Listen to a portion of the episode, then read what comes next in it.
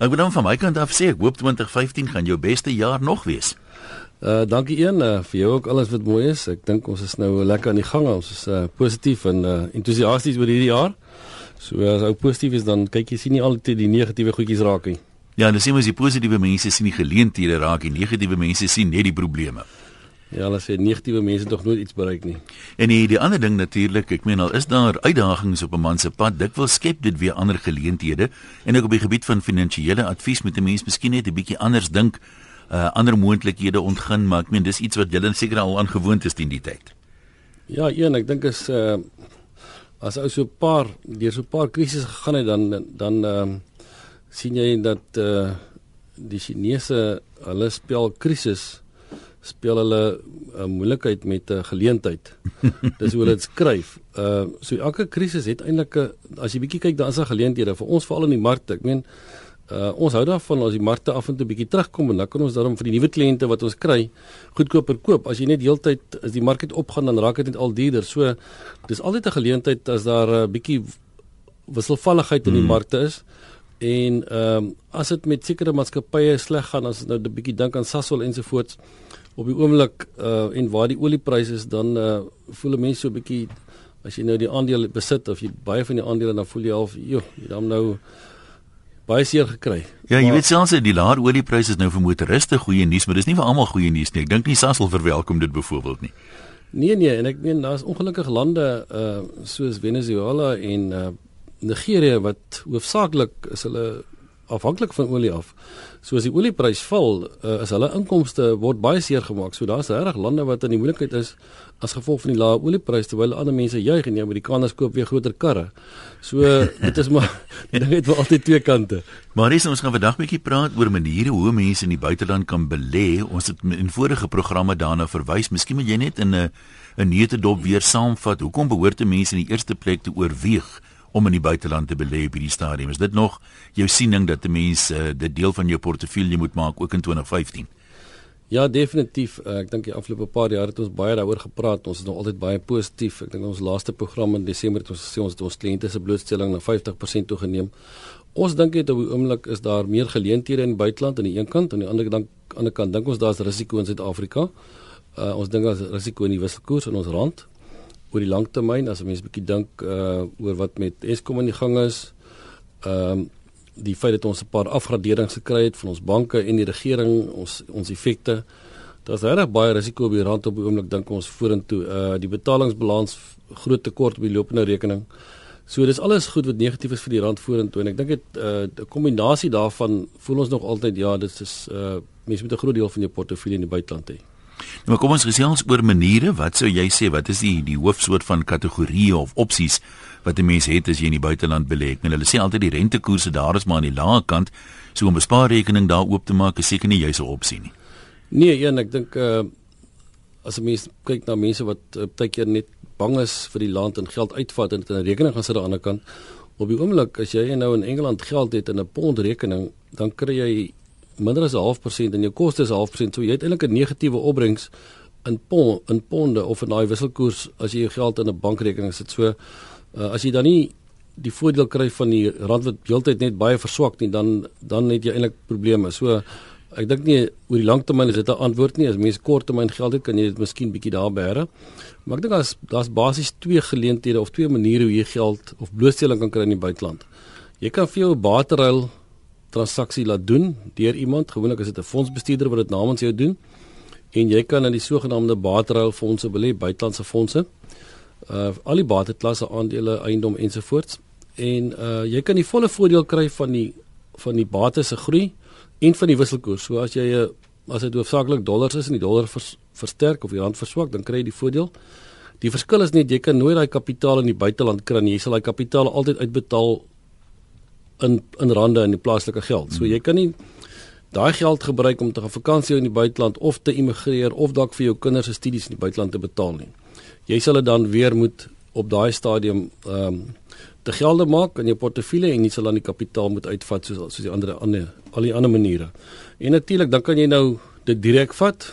Ehm um, daarvoor moet jy natuurlik by die Reservebank as dit meer as 'n miljoen is toestemming kry en en by SARS Sê nou jy wil 'n half miljoen uitvat, het jy dan geen amptelike dokumentasie van SARS nee, nodig nie? Nee, jy het niks nodig. Jy kan daar's jy hoef, hoef nie goedkeuring te kry nie. Jy kan 'n uh, tot op 'n miljoen rand per jaar kan jy uitvat. Dis dis geen probleem nie. Voor jy aangaan maar as ek miskien net mense nooi as jy vra het nou spesifiek oor beleggings in die buiteland wat ons so deur die loop van die program aan Marius kan stel, dan kan jy vir my SMS 3343 R1.50 elk kos hulle of jy kan vanaf die webwerf vir ons 'n e-pos stuur. Jy gaan na rsg.co.za toe, dan klik jy daar op e-pos aan ateljee. Marius nou as jy kapitaal direk uitneem, wat is die, die verskillende maniere dan om om te belê? Ja, dan kan jy nou soos ons nou net gesê het, jy kan of in 'n bankrekening net 'n rekening oopmaak en in 'n bankrekening geld sit of 'n spaarrekening of 'n chequerekening. En dit kan jy natuurlik nou doen enige plek in die wêreld ook in die sogenaamde ehm uh, belastingvrye gebiede ehm um, of die eilande. En dan kan jy ook 'n effekte trust fonds koop in die buiteland.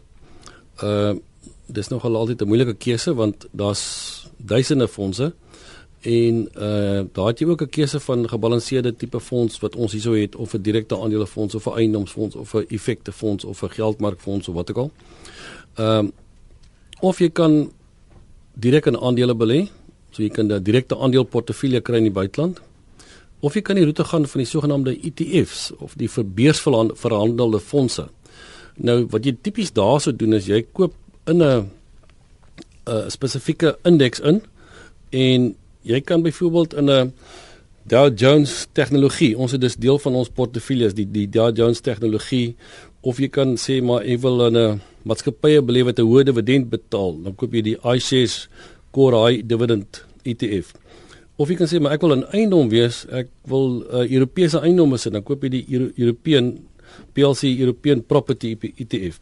Of jy kan sê ek wil in die FSA 'n eiendom besit, dan koop jy die uh, US Real Estate ETF. En dit is 'n ander manier om 'n klomp aandele te kry waar jy nie redelik seker is wat een is die beste nie, maar jy weet jy het 'n klomp goeie aandele.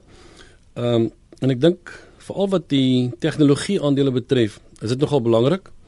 Uh, in ons eie portefeuilles uh, wil ons ook graag tegnologie hê, maar omdat tegnologie so moeilik is om te bepaal watter maatskappy is volgende jaar die topmaatskappy of die beste gaan doen, maar tegnologie verander so vinnig. Ja, dit kan jy weer um, sê. Een oomblik is Apple bo en dan is Samsung bo, as ons nou voorbeeld gebruik. 'n Paar dae terug is almal vir jou gesê, "Man, koop net Nokia." Ek bedoel hulle het die wêreld oorgeneem met selfone en toe was dit BlackBerry geweest. En nou hoor jy nie meer van hulle omtrent nie. So dis nogal 'n baie moeilike een. So in daai geval koop gebruik mense liewer die ETF waar jy klomp goeie tegnologie maatskappye kry en jy hoef nie bang te wees dat jy dalk die verkeerde een gekies het nie. Dis dieselfde met eiendom. In eiendom doen ons dit ook. Ons probeer nie te slim te wees in die FSA of in of in Europa nie. Ons koop die eiendoms ETF. Uh en dan kan jy natuurlik 'n wêreldindeks koop. Jy kan die uh, DBX World indeks koop of jy kan die DBX Euro koop of die uh, Euro 50. Um of die DBX US, net 'n Amerikaanse indeks. Nou baie van hierdie indekse het baie beter gedoen as van die fondse. Ja, die Dow Jones het byvoorbeeld die tegnologie in 20.69% gedoen. Die high dividend 13.77 die Europese eiendom het 12 gedoen. Die FSA eiendom het 26 gedoen. Ehm um, FSA indeks 24 En so gaan ons aan so baie van hulle het, het baie goed gedoen en natuurlik 'n ander rede hoekom mense dalk na die ETF sal kyk. Een is omdat hulle die goedkoopste instrument is wat 'n mens kan gebruik. Kom ons vergelyk bietjie die kostes van die verskillende metodes om oorsee te belê. Ja, uh, ons het toe, weet ons het gekyk na die na die ETF, ons het gekyk na bankrekening en natuurlik uh, fondse. Natuurlik kan jy ook uh, direk in die buiteland vir jou eiendom gaan koop wat natuurlik baie duurder is en jy het baie meer risiko omdat jy 'n klomp geld in een eiendom sit en uh, jy's nie regtig naby die eiendom om beheer uit te oefen nie. Jy moet iemand vertrou wat uh, namens jou die eiendom gaan verhuur ensovoorts. So uh ons ons nogal ons sal dit nie regtig aanbeveel nie. Uh maar daar is mense wat suksesvol is daarmee. Ehm um, en dan het ons gepraat oor die van die direkte aandeleportefeuilles waar jy dan spesifiek 'n aandeleportefeulje sal koop waar die portefeuljebestuurder vir jou 'n klomp aandele gaan saamstel. Uh en hy kan ook in hierdie portefeulje kan hy goed soos ETF's gebruik. Hy kan uh wêreldwye aandele kies. Hy kan ook met sekere tye afhangende hoe die mark lyk, kan hy bietjie geografies kyk. Ehm um, so dat dis die dis basies die vier maniere hoe ons hoe jy uh, kan koop natuurlik dan ook mense wat uh, direkte kommoditeite koop. Hulle koop koffie of hulle koop uh pork bellies. Daar's 'n klomp verskillende goed wat jy kan koop. So uh, almal klink ongewoon bedryf. ja, nee, dis dis dis baie groot verhandeling en is regtig biljoene rande wat wat verhandel word uh, met kommoditeite, direkte kommoditeite. Daar's mense wat net ek weet ek ken uh, iemand wat net byvoorbeeld olie wat net in olie belê en hy verkoop en verkoop heeldag olie kontrakte. Uh, en hulle maak 'n uh, klein hoeveelheid wins maar hulle gebruik groot bedrae. So maar jy moet redelik aktief wees en vir my is dit nogal baie naby aan aan die spekulasie kant uh ja want jy nie, nie jy kan nie regtig baie uh, uh, uh maatskappy inligting gebruik in, om bietjie vooruitskattinge te doen ensovoorts en daar's soveel faktore wat dit beïnvloed. As jy mens nou na hierdie opsies kyk, wat is die die goedkoopste en die duurste? Ja, die die ETF of die beursverhandelde fondse is gewoonlik die goedkoopste natuurlik as jy so ehm um, instrument koop, moet jy nog altyd dit deur 'n makelaar doen en jy gaan 'n verhandelingsfooi betaal om dit eerstens in die hande te kry, gewoonlik by die 1% rond.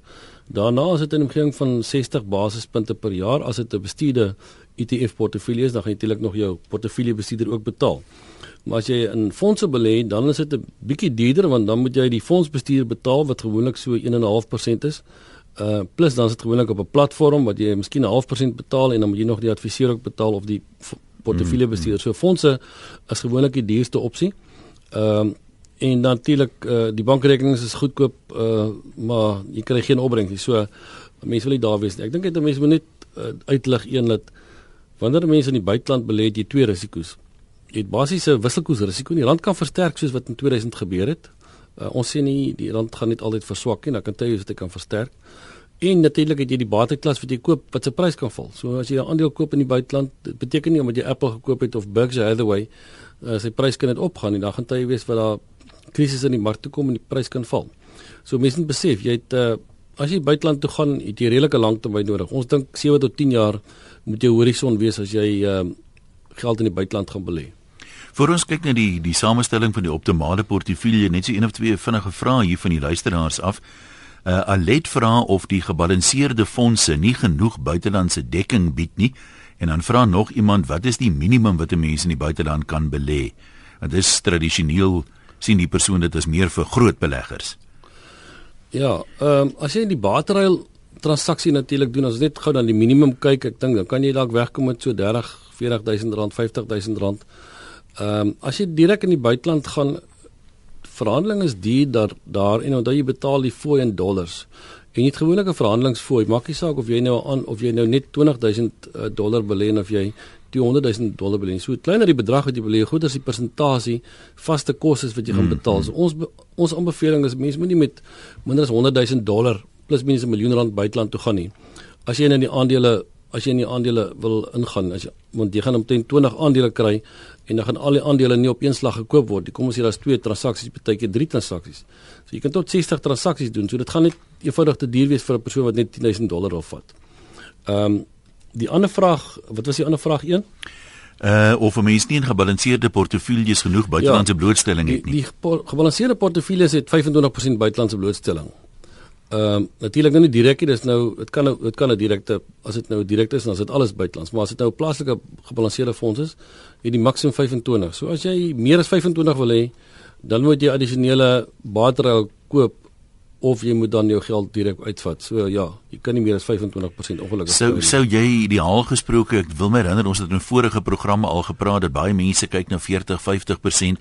So sou jy die aktief die moontlikheid ondersoek om meer as 25% doodstelling te kry. Definitief. Ek dink vir al ons kliënte op die stadium uh voel ons 50% is wat ons wil hê ons het ook ons portefeulje so aangepas in in in vroeg in Desember al uh, om dit na 50% te neem. Ons dink dit 25 is nie genoeg om jou te beskerm nie. Ehm um, op die oomblik nie. Ek dink dit as jy nou 'n uh, wêreldbelegger is wat nou nie na in Suid-Afrika bly nie, sou jy plus minus uh, 3 tot 4% van jou geld in Suid-Afrika gehad het as jy dan die grootte kyk van ons mark. Ja. So in ons meeste van ons mense het omtrent 80, 90% uh tydjie 100% van hulle kapitaal hierso. Nou kom ons kyk bietjie na die optimale portefeulje wat wat 'n mens als in ag neem. Ek dink dit as jy na 'n optimale groei portefeulje kyk, uh, as jy spesifiek maksimum groei soek, dan moet jy in die bateklas wees wat vir jou die beste groei oor die langtermyn kan gee. En weens langtermyn in my in hierdie geval praat ons van 7 tot 10 jaar. En die bateklas wat jy die beste opbrengs oor die langtermyn gaan gee is aandele. En as jy dan in aandele wil wees, dan kyk 'n mens na twee goed. Jy wil 'n gekonsentreerde portefeulje hê. Uh want as jy 'n effekte trust is, dan het jy plus minus in een fonds 40, 50 spesifieke onderaandele waarin jy kan belê. En as jy dan nou miskien 3 fondse in jou portefeulje het uh om te diversifiseer, dan kan jy met die oorvleeling saam maklik 80, 90 aandele hê. So weet wat s'ie wat is die effek van een aandeel wat baie goed doen? So ons sê jy moet plus minus 20 aandele hê, gekonsentreerde portefeulje. Ehm um, en dit moet maatskappye wees wat die Engelsman praat van of die Engelse term is uh moat met ander jy moet 'n in die ou tyd het hulle mos hierdie kastele gehad met 'n grag rondom wat gegrawe is met water in waar die ouens eers moet kom voor hulle kan aanval. Ja. So jy het 'n bietjie van 'n beskerming en en daar is sulke maatskappye in die wêreld wat regtig 'n beskerming het. As ons nou dink aan Microsoft uh en dink ons wie kan Microsoft uh aanval sodat môre al die rekenaars in die wêreld 'n ander ehm uh, stelsel sagteware stelsel op het. Daar's nie eintlik 'n maatskappy wat dit wat ons dink wat dit sommer kan doen nie. Ehm um, is daar 'n maatskappy wat sommer Coca-Cola kan oorneem ehm um, nie maklik nie. 'n Maatskappy wat baie lank bestaan. Daar is sulke maatskappye in die wêreld wat regtig nie gebind is aan een ekonomie nie. Met ander woorde of dit sleg gaan in Europa, baie keer uh, maatskappye soos Apple wat nou deel van jou van jou tegnologie aandele gaan wees. Hulle doen baie keer in Europa nie goed nie, maar doen hulle baie goed in China, doen baie goed in Indië en baie goed in Indonesië. So jy kry so maatskappye, sulke maatskappye en dis maatskappye wat jy koop met die doel om hulle lanktermyn te hou. Jy gaan nie verhandel in die maatskappye nie. Ek sal nou 'n bietjie praat oor risikobestuur in so 'n portefeulje. En so jy also plus minus 15 van hierdie goeie maatskappye wat jy voel jy koop nie maatskappy omdat dit jy glo in die maatskappy. Warren Buffett sê moenie 'n aandeel koop net omdat hy geval het nie of omdat hy goedkoop is nie. Koop 'n koop 'n aandeel omdat jy in die maatskappy glo en jy dink die maatskappy oor die lang termyn gaan baie goed doen. En dan kan jy 5 5 aandele in jou portefeulje kan jy probeer uh hoër groei aandele soek. Tipiese aandele is wat ons in die portefeulje het is Mastercard. Ek dink op die oomblik is daar net 17% mense in die wêreld wat uh kredietkaarte gebruik. So daar's potensieel baie groei in so 'n maatskappy. Ehm uh, So jy plus minus 20 aandele en van daai aandele sal ons dan byvoorbeeld in plaas van eiendoms aandele sal ons 'n ETF koop. In plaas van die tegnologie koop ons tegnologie koop ons 'n ETF. Uh sekere markte sal ons eerder 'n ETF koop as ons spesifieke miskien as ons blootstelling wil hê daaraan. So en dit is dan 'n langtermyn strategie wat jy het om uh om hierdie portefeulje te hou en in hierdie maatskappye te bly. Party van die maatskappye uh gaan vir jou baie goeie dividend betaal party maatskappye gaan net vir jou baie goeie groei gee oor die lang termyn. En die maatskappye is wêreldwye maatskappye. Uh so daar's nou nie 'n kans dat Microsoft môre gaan verdwyn nie en ons sal ook nooit meer as 8% van ons portefeulje in een maatskappy sit nie. Uh en die manier hoe ons risiko gaan bestuur is wanneer 'n maatskappy te duur raak, sal ons miskien sy blootstelling sny na na 5 of na kleiner na 3% toe ook as al hou ons nog van die maatskappy, ons dink hy word te duur. Uh natuurlik wil 'n mens nie in so 'n portefeulje verhandel nie want daar's kostes as jy verhandel en daar's ook kapitaalwinsbelasting as jy iets verkoop. So uh mense die gedeelte van jou portefeulje wat jy buiteland toe gaan skuif is daai gedeelte wat jy sê maar ek gaan nie hoef nie daaraan te raak vir die volgende 7 tot 10 jaar nie. Ek het genoeg kapitaal om van te lewe om my inkomste te voorsien, maar my kapitaalgroei gedeelte wat ek wil ernstige kapitaalgroei, dit gaan ek 'n groot deel buiteland toe skuif. So een of twee vrae van van luisteraars, jy het net nou verwys na die uh, S&P 500. Iemand vra hier, hoe gaan 'n mens nou prakties te werk om daarin te belê? En jy besluit dis die roete wat jy wil gaan. Moet jy met jou finansiële adviseur praat of is dit iets wat 'n mens direk of aanlyn kan doen? Dalk jy net so 'n bietjie. Ek dink vir baie mense is dit half 'n ja. vreemde entiteit. Jy weet, jy weet nie hoeveel jy nou hoeveel papiere moet jy nou invul nie. Papierwerk is nogal baie. Ja. Moet al hierdie buitelandse transaksies ehm um, alle alle alle alle dokumentasie moet oorspronklik wees. So ek kan nie afskrif van jou water en ligte stuur vir 'n buitekant nie. Ek moet as ek nou vir jou die fika daar doen, moet ek alles oorspronklike dokumente hê. Maar uh wat tipies gaan gebeur as jy gaan na 'n adviseur toe of iemand wat 'n makelaar is wat in die buiteland uh uh fondse of geld kan bestuur of portefeuilles kan bestuur en hulle het 'n platform net soos wat jy hier 'n platform moet hê as jy aandeel koop en uh op daai platform gaan jy rekening oopmaak, jy gaan geld oorbetaal sy intoe en dan gaan jy opdrag gee om wat hulle ook al ook al vir jou moet koop of jy gaan dan vir hulle mandaat gee om dit namens jou te bestuur. Dan ehm um, is hier 'n vraag of jy weet nie per, definisie moet jy net maar dikwels 'n opinie gee, maar kort en kragtig sê die luisteraar, wat is jou opinie oor Satrix 40? Ja, Satrix 40 het 'n klomp maatskappye in wat ehm um, natuurlik baie buitelandse blootstelling het, groot maatskappye, dis die dis die top 40 maatskappye. Ehm um, my persoonlike gevoel oor Citrix is ek koop dit nie vir myself nie en die rede daarvoor is daar's 'n klomp maatskappye wat ek nie wil hê nie, maar wat ek moet vat omdat ek in Citrix is. Aha. Ehm um, want dit gaan oor die grootte van die maatskappy. Dit gaan nie oor uh hoe baie ek van die maatskappy hou wat ek dink die maatskappy se vooruitsigte is nie. As dit, as as hy 'n sekere grootte bereik en hy's deel van die grootste 40 dan is hy daarin. So en dit is my probleem van die van die ehm uh, Citrix. Uh dat daar's 'n klomp maatskappye wat ek nie wil besit nie wat ek moet hê. Uh ek dink is nog altyd beter as 'n spaarbelegging oor die lang termyn as jy net geld in die bank sou gehad het, jy gaan in elk geval beter doen. En dis ek sê nie 'n slegte belegging, maar dis maar net my spesifieke voorkeur. Dan vra iemand hier as 'n mens nou in Suid-Afrika in Effekte Trust wil belê, spesifiek in Effekte Trust wat jou die maksimum aandele blo blootstelling gee. Wat is die kan jy 100% aandele blootstelling kry of wat is die regulasies daaroor? Ja, daar is sekere fondse uh wat 100% hulle mandaat is, hulle kan 100% beleef, hulle is nooit 100% beleef, is altyd so 93% beleef, hulle moet 'n bietjie kontant hou vir mense wat uitverkoop ensovoorts. Mm -hmm. En uh baie van hulle het dan ook 'n het 'n mandaat om 5 15 tot 25% van daai blootstelling in die buiteland te, te lê. So mense moet seker maak as beleef in 'n net Suid-Afrikaanse aandelefonds of beleef in 'n aandelefonds soos byvoorbeeld PSG se aandelefonds. Ons maatskappye se batebestuur se eie aandelefonds het 25% in die buiteland. Ehm um, en ek weet Ellen Gray oomblik is besig om hulle aandelefonds te verander om ook buitelandse blootstelling in te hê. So maar daar sekerre fondse wat nog altyd net 100% plaaslik is. En dis wat jy wil doen as jy nie baie geld het nie en jy wil aandele koop. Uh moenie gaan een aandeel koop of twee aandele koop en jou risiko so verhoog nie. Uh gaan na aandelefonds toe en koop daai fonds. Uh jy besit dan 'n klomp goeie maatskappye onder onder aandeel in in in die vorm van onderaandele. Mm -hmm. En ehm uh, Ja, oor die langtermyn ehm um, as jy kan na daai fondse se rekords gaan kyk, as reg oor die langtermyn fondse wat baie baie goed gedoen wat die ja, wil nie syfers om maar afhangende van watter jare jy kan. Ja, ja. Klein belegger hier sê en ek kan nogal identifiseer met hom. Dink baie van ons kan. As 'n mens in effekte trust wil belê, uh, jy het nou gesê as ek reg uh, verstaan die maksimum as jy nou plaaslik belê, jy kan wel fondse kry wat hoofsaaklik in aandele belê met 'n maksimum van 25% in buitelandse aandele.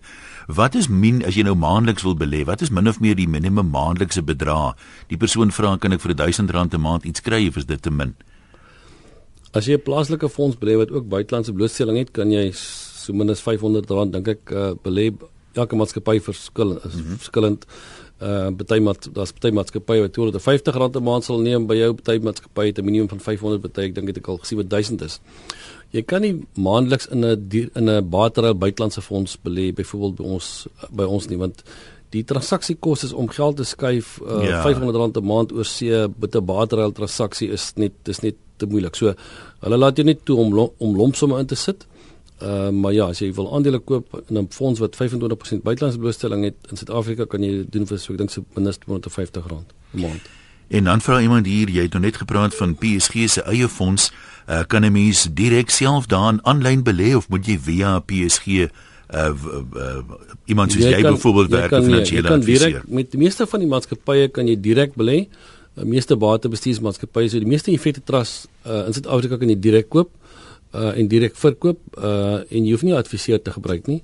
So as jy dink die adviseur kan nie genoeg waarde toevoeg om vir jou te help wanneer om te koop en te verkoop en wat om te skuif nie, dan kan jy dit direk doen. Uh niks stop jou nie as baie direkte platforms wat jy uh direk in die fondse kan. Sou mens dan byvoorbeeld na PSG se se webwerf toe gaan of hoe gaan jy te werk? Jy sal na die webwerf toe kan gaan ja en uh direk uh net aansoek doen.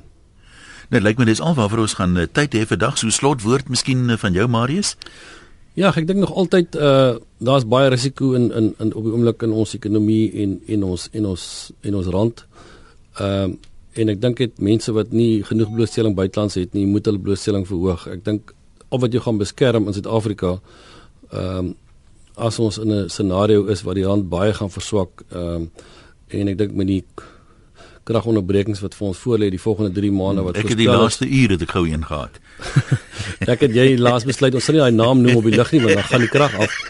En ek kon ons moet ja. maar versigtig wees daar. En, maar ek meen uh tipies word dan nou ek sien gelukkig uh, planne gemaak om ook uh, privaat. Ek het nou net in die nuus daarvan gelees ja. ja. Miskien net ek, ek, ek het die vraag nou misgekyk en ek dink dis miskien 'n belangrike een wat nie altyd 'n klinkklare antwoord het nie. Iemand sê hier daar's soveel verskillende effekte trustmaatskappye. Die persoon wil maandeliks in effekte trust belê, maar dan noem hy nou 'n klomp name. Hoe kies 'n mens tussen hulle? Ek weet kan jy in 'n sin of twee sê kyk 'n mens maar na Hulle ja, sê altyd nee, historiese opbrengs ja. is nie noodwendig. Nee, weet jy, uh, een ek wil net daar gesê, mens 'n uh, uh, individu en kom ons sê nou maar leek nie met om dit lelik te te bedoel nie maar 'n ja. persoon wat nou nie ingelig is oor al die 'n mens met navorsing doen. Ons het 'n navorsingsspan wat gaan navorsing doen oor die maatskappy, die veelheid risiko wat die maatskappy in daai fonds neem, uh die konstantheid van die fonds. Met ander kan kan die fonds konstant bo gemiddeld presteer. Daar's 'n klomp faktore wat vir ons belangrik is voor ons in so 'n fonds belê. En 'n individu het eenvoudig net nie die gereedskap en die tegniese vaardighede en en die en die uh, uh mense om dit vir, vir jou te gaan doen nie. So moenie synig wees nie. Betaal jou adviseur. Kry goeie adviseur en betaal hom 1% of 'n 3/4% of 'n half persent of wat jy ook ooreenkom uh om dit vir jou te gaan doen. Ek dink uh, ek sien dit so baie keer dat mense net voel hulle wil daai bietjie geld spaar en dan kos dit om soveel meer op die einde van die dag want uh die, die emosie wat 'n mens mee moet saamlewe as jy hierdie goed self bestuur maak dit vir jou baie moeilik veral as jy nie al hierdie tegniese vaardighede